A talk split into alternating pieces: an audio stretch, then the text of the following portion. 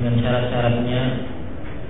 Yang pertama, bahwasanya laki-laki atau wanita yang akan menikah itu adalah orang yang boleh untuk menikah. Dalam artian bukan orang yang haram untuk dinikahi. Yang kedua ini adanya wali dengan beberapa kriteria dan catatan yang tadi. Yang ketiga tidak adanya dua orang saksi yang menyaksikan yang pernikahan tersebut. Kita lanjutkan pada inti dari pernikahan yaitu akad apa yang biasa disebut sebagai ijab dan kabul. Ini ijab kabul atau akad pernikahan. Banyak masalah sebenarnya yang dibahas berhubungan dengan masalah akad nikah. Tapi insya Allah kita akan membahas secara ringkas. Masalah yang pertama, bahwasanya lafaz apa yang bisa digunakan untuk akad nikah. Kita mulai dari berbahasa Arab. Ada beberapa kalimat dalam bahasa Arab yang disepakati oleh para ulama boleh atau sah digunakan untuk akad nikah. Ada beberapa lafaz yang dengan kesepakatan para ulama bahwasanya lafaz itu tidak sah digunakan untuk akad nikah dan ada masalah yang masih diperdebatkan oleh para ulama. Lafaz yang dengan kesepakatan para ulama, lafaz itu sah digunakan untuk pernikahan, baik digabung maupun tidak adalah lafaz nikah dan zawaj. Yang kedua-duanya dalam bahasa Indonesia artinya nikah. Dalam artian seorang wali, ini seorang wali atau seorang wakilnya wali, seorang wali atau seorang wakilnya wali, baik wali itu wali keluarga maupun wali itu wali sultan, dia bisa mengatakan angkah suka. Jadi saya menikahkan kamu. Jadi angkah suka. Atau dia bisa mengatakan zawal suka. Zai mau jim tak Zawal suka. Saya menikahkan kamu. Itu bahasa Arabnya atau dia bisa mengatakan angkah suka wazawat suka digabung artinya sama bahasa misalnya saya menikahkan kamu itu lafaz yang benar-benar ini lafaz jadi seorang wali yang benar-benar sah dengan kesepakatan para ulama digunakan untuk sebuah akad nikah. Kenapa? Karena Allah Subhanahu wa taala menggunakan dua lafaz ini untuk pernikahan. Nih, Allah Subhanahu wa taala berfirman dalam surat Al-Ahzab ayat nomor 37, "Falamma qadha Zaidun minha wa tara zawwajnakaha." Jadi tatkala Zaid sudah menceraikan siapa itu? Zainab binti Jahash, maka kami Allah Subhanahu wa taala zawwajnakaha. Kami menikahkan engkau dengan dia kata Allah Subhanahu wa taala. Menunjukkan bahwasanya lafaz zawaj itu dengan ya, itu adalah sebuah lafaz yang sah digunakan untuk pernikahan. Begitu juga dengan lafaz nikah. Allah Subhanahu wa taala firman wala tankihu ma nakaha. Jangan kamu nikahi yang dinikahkan atau yang dinikahi oleh bapak-bapak kalian menunjukkan bahwasanya lafaz nikah itu pun sah digunakan untuk pernikahan. Itu mengenai lafaz ini mengenai uh, apa itu lafaz ijabnya. Bagaimana dengan kabulnya atau bagaimana dengan penerimaan suaminya? Penerimaan calon suami, dia bisa mengatakan kabil itu nikah atau bisa mengatakan kabil itu zawajaha. Jadi saya menerima pernikahannya atau meskipun tanpa disebut bisa dia mengatakan kabil itu selesai. Menikah tidak sulit sulit. Jadi seorang suami kalau suami cukup dengan menghafalkan lafaz qabil itu selesai pernikahan. Jadi saya menerima pernikahan itu. Jadi ini adalah lafaz yang sah digunakan untuk pernikahan. Kriteria kedua yaitu lafaz yang dengan kesepakatan para ulama itu tidak sah digunakan untuk menikah, untuk pernikahan. Yaitu lafaz-lafaz yang sifatnya itu tidak untuk memiliki. Misalkan saya pinjamkan anak saya padamu, enggak boleh saya pinjamkan. Atau saya sewakan anak saya padamu, Lafaz-lafaz semacam itu jelas tidak sah dan insya Allah tidak ada orang menikahkan dengan lafaz semacam itu. Yang masih diperselisihkan oleh para ulama adalah lafaz-lafaz yang sifatnya membuat orang memiliki tapi tidak dengan lafaz nikah. Misalkan saya jadikan kamu memiliki anak saya atau bahasa Arabnya malak juga saya jadikan kamu memiliki anak saya. Apakah lafaz ini bisa digunakan untuk menikah ataukah tidak? Tapi Allah alam menjadi yang pendapat yang sahih tidak. Jadi pendapat yang sahih bahwasanya lafaz yang digunakan atau lafaz yang digunakan untuk menikah itu dua. Bisa jawab, bisa bisa nikah, bisa digabung, bisa berpisah. Yaitu adalah lafaz-lafaz yang digunakan untuk pernikahan. Dan cara menjawabnya pun sama. Masalah kedua, apakah boleh pernikahan itu dengan bahasa selain bahasa Arab? Jawabnya boleh menurut mazhab yang sahih. Ini boleh pernikahan itu menggunakan bahasa selain bahasa Arab. Bahasa Indonesia, bahasa Jawa dengan lafaz-lafaz nikah atau zawat yang diterjemahkan ke dalam bahasa masing-masing. Yang penting dalam bahasa daerah itu lafaz semacam itu bisa digunakan untuk pernikahan, maka lafaz itu sah untuk menikah. Kalau bahasa Indonesia, saya nikahkan engkau dengan anak saya Ulana misalkan dengan mahar sekian maka lafaz semacam itu sah kalau sang suami menjawab dengan lafaz saya menerima pernikahan anak bapak bulana tersebut dengan mahar sekian. Atau tidak usah lapatnya panjang semacam itu cukuplah saya dia mengatakan saya terima atau saya terima pernikahan tersebut. Bisa menggunakan bahasa Jawa atau bisa menggunakan bahasa-bahasa yang lainnya karena akad ini intinya adalah memahami. Ini dari e, orang dari walinya tersebut bahwasanya dia menyerahkan atau menikahkan anaknya atau saudarinya kepada kita. Itu masalah yang kedua. Masalah yang ketiga. Jadi masalah yang ketiga bahwasanya bagi orang yang tidak mampu berbicara itu bisa menggunakan semua cara yang penting dipahami sebagai bentuk pernikahan orang bisu. Dia menggunakan bahasa isyarat misalkan. Kalau memang kalau memang yang walinya paham. Walinya itu kebetulan bisu. Pada dia bapak. Gak mau wakilkan lagi. Berbisu. Dia bapaknya. Gak mau mewakilkan pada orang lain. Mau apa lagi? Dia yang harus menikahkan. Apa caranya? Bisa dengan dua cara. Bisa menggunakan bahasa isyarat. Tak tahu saya caranya gimana. Yang penting bisa menggunakan bahasa isyarat. Bahwa, tapi dengan syarat isyarat ini dianya paham, calon suaminya paham bahwasanya si fulan itu mau menikahkan anaknya dengan saya. Dan yang saksinya paham bahwasanya itu adalah untuk menikahkan. Atau dengan cara yang lebih bagus pakai tulisan. Dan ini caranya lebih tepat. Ini ada calon suaminya depan gitu. Bapak ini saya nikahkan itu tulis diserahkan kepada dia. Dibaca maka calon saya mengatakan saya terima pernikahan dengan jalan tulisan.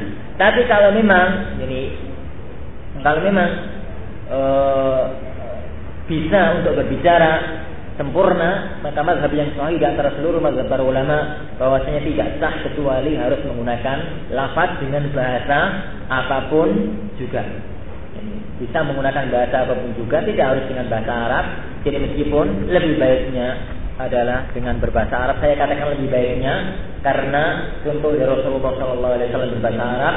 Yang kedua, bahwasanya kalau mampu untuk dibicarakan dengan bahasa Arab, kenapa harus menggunakan bahasa yang lain? Para ikhwan jika Allah wa yakum ada satu masalah yaitu bagaimana jadi akad nikah melalui telepon. atau akad nikah melalui HP yang ada gambarnya itu atau melalui internet jadi melalui jadi yang penting ada gambarnya sebenarnya sah. Sebenarnya sah. Hanya hanya hanya harap hati-hati. Karena akad nikah ini akad agung. Farji yang asalnya haram jadi halal. Orang tua yang asalnya itu bukan orang tua sekarang jadi orang tua. Dan rentetannya panjang oleh karena itu harus hati-hati dalam masalah pernikahan ini. Kalau memang diyakini 100% bahwasanya suara itu adalah suaranya si fulan bisa saja. Tapi mungkin tidak jadi apakah tidak ada kemungkinan bahwasanya suara itu adalah suara palsu? Ada kemungkinan. Oleh karena itu harap hati-hati. Saya bukan mengatakan haram tapi harap hati-hati. Karena lebih baiknya jadi itu adalah dihadirkan secara langsung daripada melalui telepon tersebut. Meskipun bisa saja jika akad nikah itu dilakukan melalui telepon tersebut. Satu hal lagi misalnya masalah yang ketiga masalah akad nikah juga. Bahwasanya pernikahan itu sebagaimana wali itu bisa diwakilkan saya katakan di awal tadi maka menerima akad nikah itu pun bisa diwakilkan hanya saja lafadznya para akhwat sekalian dan para akhwat sekalian itu harus menggunakan lafadz perwakilan jadi kalau mau mewakilkan maka sang wali itu dia mengatakan saya wakilkan pernikahan saya kepada sampean atau kepada kepada anda, kepada Pak Naib atau kepada Pak Kiai misalkan diwakilkan. Setelah itu si yang diwakilkan menerima, ya saya terima perwakilan pernikahan dari anda. Kemudian sang wakil itu mengatakan atau menikahkan saya nikahkan jadi fulana binti fulan dengan mahar sekian kepada anda. Ini itu lafaz pernikahannya kalau sang suami itu suami langsung, maka dia mengatakan saya terima pernikahan tersebut. Tapi kalau suaminya itu adalah wakil juga, maka dia mengatakan saya terima pernikahan fulana ini untuk si fulan, bukan untuk dirinya sendiri. Jadi kalau misalkan yang nikah itu adalah Ahmad, bagaimana contoh saya di depan tadi, kemudian yang diwakilkan itu adalah Ibrahim, maka dia mengatakan saya menerima pernikahan pernikahan si fulana tadi untuk si Ahmad. Untuk si Ahmad bukan untuk dirinya sendiri. Insya Allah masalah-masalah semacam itu mudah dan tidak perlu untuk dirumitkan secara teori. Meskipun kadang-kadang pas di majelis akad itu hmm, masalahnya agak rumit. Dan karena Allah Subhanahu wa taala menjadikan akad ini yaitu akad nikah itu adalah misaqan waliyah sebagai sebuah akad yang berat. Selanjutnya para ikhwah dan para akhwat kalian yang Allah Subhanahu wa taala ada satu rumor yang sampai saat ini diyakini oleh kebanyakan orang bahwasanya kalau pernikahan atau kalau akad nikah itu tidak boleh terputus antara ijab dan kabul. Itu kan gitu. Sebut ini angkah suka, umut suka itu inti atau putri saya fulana dengan mahal di kemudian halan kontan secara langsung mengatakan begini pas mic-nya berjalan misalkan gitu. Ulangi. Kan jadi masalah. Karena apa? Pertama mic itu bukan masalah. Kalau mic dan ada nggak masalah. Yang kedua bahwasanya memang benar. Jadi jarak jadi jarak antara ucapan seorang wali dengan jawaban seorang calon suami itu ada tiga kemungkinan. Kemungkinan pertama langsungan. Saya menikahkan anak-anak anak saya dengan kamu dengan mahar siang. Suaminya dengan tenang jawab saya terima. Sah, selesai kita. Yang kedua, kemungkinan kedua ada jarak dan jaraknya itu jauh atau mungkin tidak jadi atau mungkin dekat tapi dipahami bahwa itu berpaling dari akad misalkan sang dan wali mengatakan saya nikahkan anak saya dengan kamu. Kemudian si suaminya pak, bentar ya saya pipis dulu keluar ya. Kemudian pipis, kemudian balik lagi saya terima pernikahan bapak. Itu ya nggak sah kan? Kenapa jaraknya jauh diselingi dengan kencing diselingi dengan apa? Atau mungkin badannya nggak berpisah, tapi berpisah dari ucapan. Maksudnya berpisah dari ucapan, dia melafatkan atau mengucapkan ucapan-ucapan yang membuat dia itu keluar dari akad nikah. Sang wali mengatakan saya nikahkan anak saya dengan kamu. Kemudian si calon suami itu, Pak, harga rumah itu kira-kira berapa ya? Gitu. Setelah ngobrol satu menit, kemudian dia mengatakan saya terima pernikahan bapak. Itu jadi masalah, gak sah pernikahan semacam itu. Karena menunjukkan bahwasanya antara ijab dan kabul itu ada jarak berjarak berpisahnya badan atau jarak berpisahnya antara ijab dengan kabul itu ini. Namun kalau dipisahkan hanya sekedar mengalihkan mik dari mik dari mulutnya si wali menuju mulutnya si calon suami atau mungkin grogi gemeter karena grogi maka ngomongnya itu ada yani terputus-putus karena grogi. Atau mungkin saking groginya saling batuk atau mungkin bersin saya nikahkan anak saya dengan kamu. Batuk batuknya lama gitu.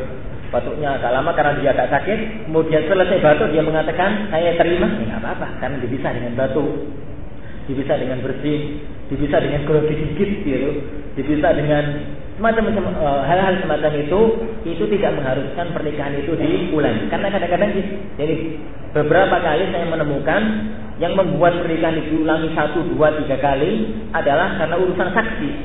Ini saksinya itu mengatakan nggak sah karena terpisah dengan progi atau nggak sah karena terpisah dengan apa? Itu adalah hal-hal yang perlu untuk dihindari. Ini masalah-masalah semacam itu adalah masalah yang e, bukan menjadikan akad nikah tersebut menjadi sebuah akad nikah yang tidak sah. Yang selanjutnya, jadi yang uh, yang selanjutnya bahwasanya akad nikah para jamaah sekalian itu tidak harus jabat tangan. Meskipun kalau jabat tangan pun tidak apa-apa kan itu. Jabat tangan dan gak jabat tangan itu tidak pengaruh. Yang pengaruh adalah ucapan wali saya menikahkan anak saya dengan kamu dan ucapan sang calon suami saya menerima. Meskipun tanpa jabat tangan. Meskipun kalau jabat tangan sih kelihatannya lebih mantep gitu. Tapi nggak apa-apa. Jadi kalau jabat tangan ya Allah silahkan. Kalau nggak jabat tangan ya silahkan. Karena berjabat tangan tanpa lafaz pun nggak sah kan gitu. Jadi calon suami atau calon wali jabat tangan gitu. Calon suami jabat tangan senyum aja ya nggak sah kan itu pernikahannya. Orang-orang bingung kenapa itu. Cuma jabat tangan terus nggak selesai selesai. Karena yang jadi urusan itu adalah akadnya bukan jabat tangan. Eh, saya katakan ini karena hampir tidak pernah ditemukan akad nikah tanpa jabat tangan, hampir. Jadi anak khawatir bahwasanya hal itu dianggap tidak sah. Alhamdulillah saya pada waktu akad nikah nggak jabat tangan, dilarang oleh Ustaz. Ustaz karena saksinya di sini adalah Ustaz Rofik, tapi juga jelas di adalah Ustaz Kiai Yasin. Sampai itu Sindifa ini sendiri. Uh, bilang sama beliau biar gak, biar orang-orang tahu bahwa nikah nggak harus jabat tangan katanya seperti ini saja nggak apa-apa kan. Yang penting bahwa itu yang ada. Selesai itu para ikhwan sekalian ada satu yang tertinggal bahwasanya sunnahnya jadi sunnahnya sebelum akad itu khutbah saja. Jadi proses akad selesai ada wali, ada saksi, kemudian yang lain itu pertama kali adalah khutbah saja. Khutbah saja itu dibaca oleh wali. Dia mengatakan bahasa yang semua. Lafaznya adalah alhamdulillah nahmaduhu wa nasta'inuhu wa nastaghfiruh yang saya baca yang masih saya baca di depan tadi innal hamdalillah nahmaduhu wa nasta'inuhu wa nastaghfiruh sampai amma ba'du fa inna hadisi kitabullah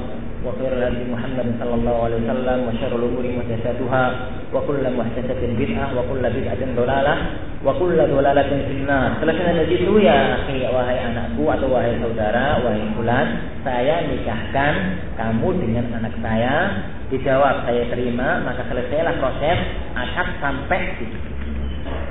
Selesailah proses akad pernikahan sampai di situ. Meskipun kalau tidak ada khutbah aja pernikahannya sah, namun lebih baiknya kita itu mengikuti sunnah Rasulullah Shallallahu Alaihi Wasallam.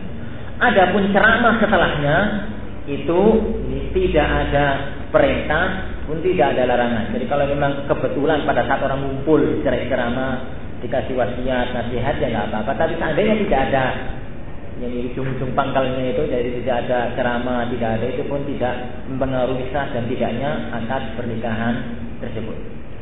Ini mengenai masalah jadi akad ini mengenai masalah uh, akad nikah. Kan insya Allah masalah akad nikah itu jadi mudah tidak terlalu rumit untuk kita bahas. Yang selanjutnya para akhwat dan para akhwat kalian kepada Allah Subhanahu wa taala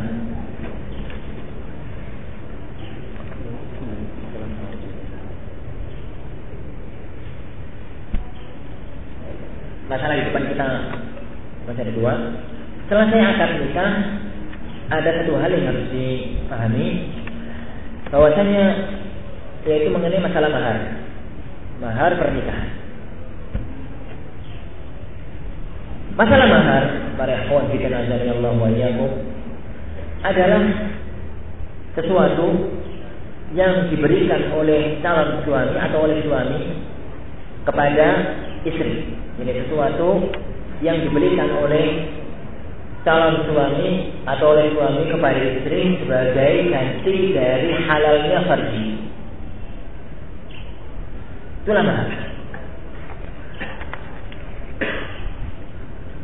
Allah Subhanahu wa taala dan Rasulullah sallallahu alaihi wasallam menyebutkan akan hal ini dalam ayat-ayatnya dan dalam sunnah Rasulullah sallallahu alaihi wasallam. Allah Subhanahu wa taala firman dalam surat An-Nisa ayat nomor 4 wa atun nisa sadaqatihinna nihlah. Jadi berikanlah wanita istri-istri kalian itu mahar-mahar mereka. Menunjukkan bahwasanya mahar itu sesuatu yang diperintahkan oleh Rasulullah Shallallahu Alaihi Wasallam dan juga oleh Allah Subhanahu Wa Taala dan seluruh para ulama sepakat akan wajibnya seorang suami membayar mahar. Jadi akan wajibnya seorang suami membayar mahar tidak boleh pernikahan tanpa mahar. Satu-satunya pernikahan yang boleh dengan mahar adalah Rasulullah Shallallahu Alaihi Wasallam. Jadi Rasulullah diberi hukum khusus. Memang Rasulullah itu ada beberapa hukum khusus.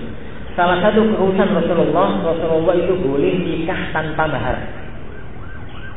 Itu kekhususan cuma Rasulullah Wasallam saja dan tidak berlaku bagi seluruh kaum mukminin yang lainnya. Ada buat kaum mukminin yang lainnya maka wajib untuk membayar mahar tersebut. Beberapa hukum yang berkaitan dengan mahar yang pertama. Yang pertama, bahwasanya mahar itu tidak ada batasan minimal. Tidak ada batasan minimal ini. Yang dijadikan batasan adalah kalau sesuatu itu mempunyai harga atau sesuatu itu bisa memberikan manfaat kepada sang istri. Karena mahar itu bisa dua macam. Bisa berupa materi bisa berupa manfaat. Yang berupa materi itu tidak ada kadar minimal kadar minimalnya itu adalah berupa sesuatu yang bisa dihargai atau yang mempunyai harga meskipun harganya 100 rupiah saya kata ini kalau ada orang nikah, saya nikahkan anak saya dengan kamu dengan mahar satu biji beras, satu biji beras, satu biji. Apakah boleh tidak? Karena apa? Satu biji beras itu ada harganya. Ada yang bisa, ada yang beli satu, satu biji beras? Satu biji beras itu ada harganya saya nikahkan kamu dengan mahar sesobek kertas ini, kertasnya disobek gitu, kemudian diberikan. Itu nggak boleh karena nggak ada harganya. Adapun saya nikahkan anak saya dengan kamu dengan mahar 100 rupiah, boleh 100 rupiah ada harganya bisa beli permen, dapat dua. Semuanya nanti selesai pengantin baru dapat beli permen. Atau yang lain, tapi yang penting tidak ada kadar minimal. Tidak ada kadar minimal. Dan kalau memang, jadi kalau dan bisa juga mahar itu berupa manfaat. Jadi saya nikahkan anak saya dengan kamu dengan syarat nanti kamu mengajari dia apalah gitu selesai nikah dari sampai bisa misalkan itu namanya manfaat. Ini memberikan manfaat kepada sang istri. Dalil untuk masalah ini adalah sebuah hadis yang insya Allah sudah dipahami semuanya. Ada seorang wanita datang kepada Rasulullah Sallallahu Alaihi Wasallam dia mengatakan ya Rasulullah ada seorang wanita yang ingin engkau nikahi. Maksudnya apa? Dirinya sendiri kan ini. Ada seorang wanita yang ingin kau nikahi. Kalau memang kau berkehendak, ya silahkan. Rasulullah melihat sang wanita itu dari ujung rambut ke ujung kaki, ya, ujung rambut, ujung jilbab ke ujung kaki, ya itu. Kau kayaknya gak truk. Kan nador, nador kan gak buah. Melihat. Kemudian uh, ada seorang sahabat ya Rasulullah, kalau anda tidak berkehendak untuk menikahi dia, nikahkanlah dia dengan saya. Rasulullah mengatakan kamu punya apa untuk mahar? Gak punya apa-apa wahai Rasulullah. Ini yang punya punya baju, sama baju bawah, baju atas sama baju bawah. Atau kalau nggak salah saya punya baju satu ini, baju jubah itu. Rasulullah mengatakan jangan. Kalau baju itu kamu berikan ke dia, kamu telanjang. Kalau kamu pakai, kamu gak kasih mahar. Cari yang lain. Pulang ke rumah, cari, cari, cari, cari, gak ketemu, gak ada. Barang satu pun gak ada. Balik lagi ya Rasulullah, gak ada apa-apa di rumah. Sudahlah cari lagi, meskipun cuma satu cincin besi dari cincin dari besi. Cincin dari besi itu nggak ada harganya. Atau ada harganya tapi sangat kecil sekali. Dicari-cari-cari nggak ketemu juga. Saking miskinnya ini orang. Tapi kepingin nikah. Ya, nikah eh, nggak e, ketemu juga maka Rasulullah mengatakan nggak ada wahai Rasulullah. Maka Rasulullah bersabda kepada dia, apakah kamu hafal Al-Quran? Hafal Rasulullah, hafal surat ini, surat itu, itu surat Al-Fatihah saya hafal, surat An-Nas saya hafal, bawa saya hafal, ini. Kata Rasulullah, udahlah, jadi saya nikahkan engkau dengan wanita ini dengan dengan mahar engkau mengajari dia Al-Quran. Hadis ini menunjukkan kepada kita dua hal. Yang pertama, bahwasanya nikah itu apa pun kenyataannya harus pakai mahar. Seandainya tidak, atau seandainya boleh pakai mahar, Rasulullah tidak akan ngotot untuk menyuruh dia mencari mahar. Yang kedua, mahar itu tanpa batas minimal. Jadi meskipun harus jadi barang serengah itu yang penting ada harganya. Yang ketiga bisa berupa manfaat. Jadi bisa berupa manfaat. Jadi itu adalah kadar minimal dari mahar tersebut. Adapun kadar maksimalnya pun tidak ada. Jadi kadar maksimal dari mahar itu pun tidak ada. Allah Subhanahu wa taala berfirman dalam e, surat An-Nisa ayat nomor 20, "Wa in aradtum istibdala zawjin makana zawjin wa. Jika kamu ingin ganti istri, dalam artian istri yang pertama tidak cocok, dicerai ingin nikah lagi, bukan seperti maka dari istri yang pertama itu sudah kamu berikan mahar sebesar kintor. Kintor itu kalau kulit kalau menyembelihkan sapi, kulitnya di di apa itu dibentangkan, kemudian di, di dalamnya dibedah ditaruh emas murni diangkat sepenuh itu itulah intar jadi se, jadi emas sebesar itu diberikan kepada istri untuk menikah. Menunjukkan bahwasanya kadar maksimal mahar itu enggak ada. Ini kadar maksimal mahar itu enggak ada. Berapapun besarnya maka itu dibolehkan. Hanya saja jadi lebih baiknya atau sunnahnya para akhwat tatkala minta mahar itu yang ringan-ringan saja. Di Rasulullah Shallallahu Alaihi Wasallam Rasulullah Shallallahu Alaihi Wasallam bersabda yang bahwasanya eh, khairun nikahi aisaruhu jadi sebaik-baik pernikahan itu adalah yang paling ringan biayanya termasuk paling ringan maharnya. Alhamdulillah bahwasanya negeri kita adalah negeri yang maharnya ringan paling banter ya 500 ribu juta ya, kurang lebih dari itu. Beda dengan yang ada di Saudi. Kira-kira berapa siapa yang pernah pergi ke Saudi? Di Saudi itu Saudi Arabia tidak ada mereka ini sulit untuk dihilangkan. Di Saudi Arabia itu kalau nikah orang sedengan ini bukan orang kaya dan bukan orang miskin miskin banget bukan kaya kaya banget orang sedengan itu mahar mereka antara 80 ribu sampai 100 ribu. Bukan rupiah real Anggaplah 80 ribu. Sekarang satu real berapa? Satu real sekarang 2 ribu itu kalau kita kerja di tempat yang yang jelek itu. Jadi anggaplah pakai 2 ribu berarti sekitar 160 juta. Mahar tok. Itu mahar. Belum biaya nikah, belum biaya walimah, belum tetek bengeknya pernikahan. Itu mahar tok 80 ribu. Itu kalau kita hitungnya 2000 satu realnya, jadi 110 juta. Oleh karena itu, jadi mereka nggak ada orang nikah muda, gitu. karena apa mahal biayanya. Alhamdulillah Allah Subhanahu Wa Taala memberikan barokah kepada kita, akhwat. Kita itu rata-rata minta mahar ya, terserah kan itu rata-rata kalau ditanya mahar. Maharnya apa mbak? Maharnya apa? Ufik terserah. Ya. Rata-rata beli mereka. Alhamdulillah kita diberikan akan hal itu. Uh, dan itu jadi harus dijaga. Jadi mahar yang mudah semacam itu harus dijaga. Kenapa? Karena kalau maharnya semakin mahal, semakin gak laku kan itu.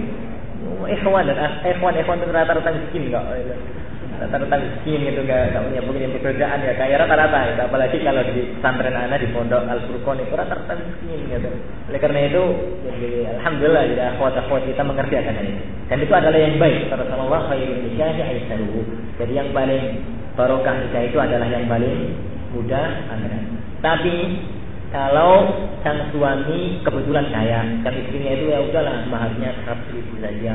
Sang suami enggak ah masa seratus ribu, 10 juta misalkan sang suaminya nggak apa-apa terserah jadi kalau sang suami berkehendak untuk hal itu jadi sedikit dan banyak itu nggak apa-apa. Tapi lebih baiknya kalau jadi sang istri yang dicari atau yang diminta berapa itu adalah yang ringan-ringan saja dan itu akan semakin mempermudah dalam proses pernikahan tersebut. Yang selanjutnya para kawan dan para kawan sekalian kita berhubungan dengan masalah mahar, bahwasanya mahar itu tidak harus disebut dalam akad. Lebih baiknya disebut. Hmm, lebih baiknya disebut. Lebih baiknya. Tapi tidak harus tidak wajib. Dalam artian akad nikah tanpa menyebut mahar itu sah ini akad nikah tanpa menyebut mahar itu sah kalau akad nikah tanpa menyebut mahar bagaimana nanti maharnya maharnya kita kembalikan kepada maharul isal Mahrul misal itu apa? Mahrul misal itu adalah mahar yang secara umum berlaku di masyarakat itu. Jadi nikah nggak pakai nyebut mahar. Berapa maharnya? Maharnya tanya masyarakat itu. Masyarakat itu kalau memang biasanya maharnya seratus ribu ya seratus ribu, kalau biasanya dua ratus ribu ya dua ratus ribu. Itu yang kita namakan dengan mahar misal. Ini mahrul misal mahar yang berlaku di tengah-tengah masyarakat tersebut. Kalau disebut itulah yang bagus mahar. Tapi kalau tidak disebut maka kita kembalikan kepada mahar misal tersebut. Karena banyak terjadi di kalangan para sahabat Nabi Shallallahu Alaihi Wasallam bahwasanya mereka tidak menyebut mahar dalam proses akad nikah tersebut. Itu beberapa hal yang berhubungan dengan mahar. Tinggal yang terakhir, jadi tinggal yang terakhir bahwasanya mahar itu bisa dibayar di pada waktu akad bisa dibayar kontan selesai akad, bisa nyicil. Kalau nyicil kayaknya nggak pernah terjadi di. Tapi antum bayangkan di negeri Timur Tengah, 160 juta. Makanya mereka rata-rata mahar itu bayarnya nyicil. Padahal istri. Ini sekarang bayar misalkan 100 juta. Yang 60 juta mungkin dibayar dua tahun yang akan datang, dibayar pada istrinya sendiri. Jadi ini ini kamu 60 juta sebagai mahar yang dulu. Saja. Ya asalkan dalam angka nikahnya disebut. Jadi kalau kontan ya kontan, kalau ini nyicil ya jangan disebut kontannya dalam masalah akad nikah tersebut. Dan yang terakhir para akhwat dan para akhwat sekalian, bahwasanya mahar itu milik istri. Hati-hati pada akhwat. Jadi mahar itu hartanya istri dan antum tidak punya hak kecuali kalau sang istri rela. Jadi mahar itu milik istri dan antum tidak punya hak sama sekali kecuali kalau antum rela, kalau sang istri itu rela hartanya itu dipakai. Misalkan antum memberikan mahal kepada istri 2 juta lah atau emas 10 gram kalung 10 gram pada waktu akad diberikan. Selesai itu emas itu dipegang oleh istri. Ya, hartanya atau uang 2 juta itu datang oleh sang istri. Kemudian satu bulan, dua bulan, tiga bulan, empat bulan selesai pernikahan misalkan, antum butuh duit, beli beras atau beli apa lah, punya duit kebetulan saat itu. Kemudian jadi minta kepada istri, jadi uang yang dulu tak berikan sebagai mahar itu kita berikan beras saja. Kalau istrinya mengatakan dia nggak apa-apa, ya nggak apa-apa, karena itu adalah hak dari dia. Tapi Kalau istrinya tidak mau memberikan, maka tidak boleh dipaksa. Jadi kalau istrinya itu tidak mau memberikan kepada suaminya, maka uang itu tidak boleh diambil kembali. Kenapa? Karena mahar itu adalah hak istri dan bukan milik suami. Dan itu harus cermati. Karena jadi kadang-kadang sang suami jadi merasa bahwasanya itu adalah istrinya, merasa bahwasanya uang itu adalah uang yang dulu diberikan pada waktu proses pernikahan diambil kembali, hal itu tidak dibenarkan karena harta itu adalah harta dari sang istri dan bukan harta dari uh, bukan harta orang lain. Bapaknya juga tidak boleh mengambil apalagi suaminya yang pernah memberikan orang harta tersebut kepada orang kepada istrinya tersebut. Allahu a'lam Jadi ini beberapa hal yang berhubungan dengan masalah mahar kita singkat-singkat saja mudah-mudahan sudah bisa dibahas meskipun uh, singkat. Yang selanjutnya ada satu masalah yang perlu perhatikan para jamaah sekalian bahwasanya akad nikah itu sesuatu yang tidak boleh dibuat main-main. Rasulullah Shallallahu Alaihi Wasallam bersabda, yani salatun jidduhun najid wa hajluhun najid. Ada tiga perkara yang kalau dibuat sungguh-sungguh ya jadinya sungguh-sungguh, kalau dibuat guyonan ya jadinya sungguh-sungguh, yaitu nikah, talak dan rujuk. Kita bahas sekarang adalah nikah. Nikah itu sesuatu yang gak boleh dibuat main-main. Antum adik, antum punya perempuan, antum guyon sama teman, mau nggak menikahkan dengan adik saya itu guyon. Berketawa-ketawa gitu guyon. Antum sebagai wali ya orang tua antum sini aja. Sebagai wali otomatis pindah tangan saudara. Mau nggak antum mau saya nikahkan dengan saudara dengan dengan dengan adik anak si, si temannya itu guyon juga mau ya saya nikahkan ya saya nikahkan saya nikahkan kamu dengan adik iya jadi adik antum jadi istrinya teman antum Bagaimana maharnya? Maharnya karena gak disebut jadi mahar misalnya. Saksinya panggil aja teman ini. Eh saksi, ini dua orang ini tadi si fulan ini nikahkan sama saya selesai. Dan jadi lain.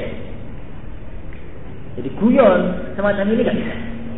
Jadi lafaz-lafaz semacam ini tidak boleh dibuat main-main. Tidak boleh dibuat main-main dan harus ditebak. Apalagi nanti kalau berhubungan dengan masalah jadi kalau berhubungan dengan masalah talak, insya Allah akan kita jadi kita bahas pada pertemuan besok Allah Subhanahu Wa Taala bahayanya orang main-main dalam talak. Ini bahayanya orang main-main dalam talak. Oleh karena itu saya sudah mengatakan artis-artis itu berbahaya sekali yang menikahkan orang main-main kan menikahkan di, di, di film-film itu. Saya nikahkan ini dengan kamu. Kalau dia itu walinya, jadi itu pernikahan.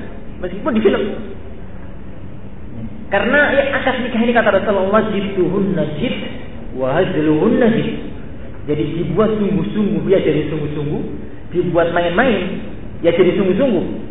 Ini sesuatu yang yang sangat berbahaya terutama nanti kalau berhubungan dengan masalah akad. Oleh karena itu jangan main-main. Kalau punya anak kecil perempuan, yang punya anak perempuan atau yang punya adik perempuan jangan guyon masalah ini. Bahaya. Ini atau ada jadi kebalikannya ada seorang ikhwan adik atau punya adik ya iya anak anak mana anak sini sini nikah dengan saya kemudian si kakak tadi mengatakan iya nggak apa-apa sudah jadi selesai itu selesai itu sebagai sebuah pernikahan mahar diurus nanti walimah diurus nanti saksi diurus nanti belakangan. Allah Allah Jadi itu yang berhubungan dengan masalah jadi akan nikah haram di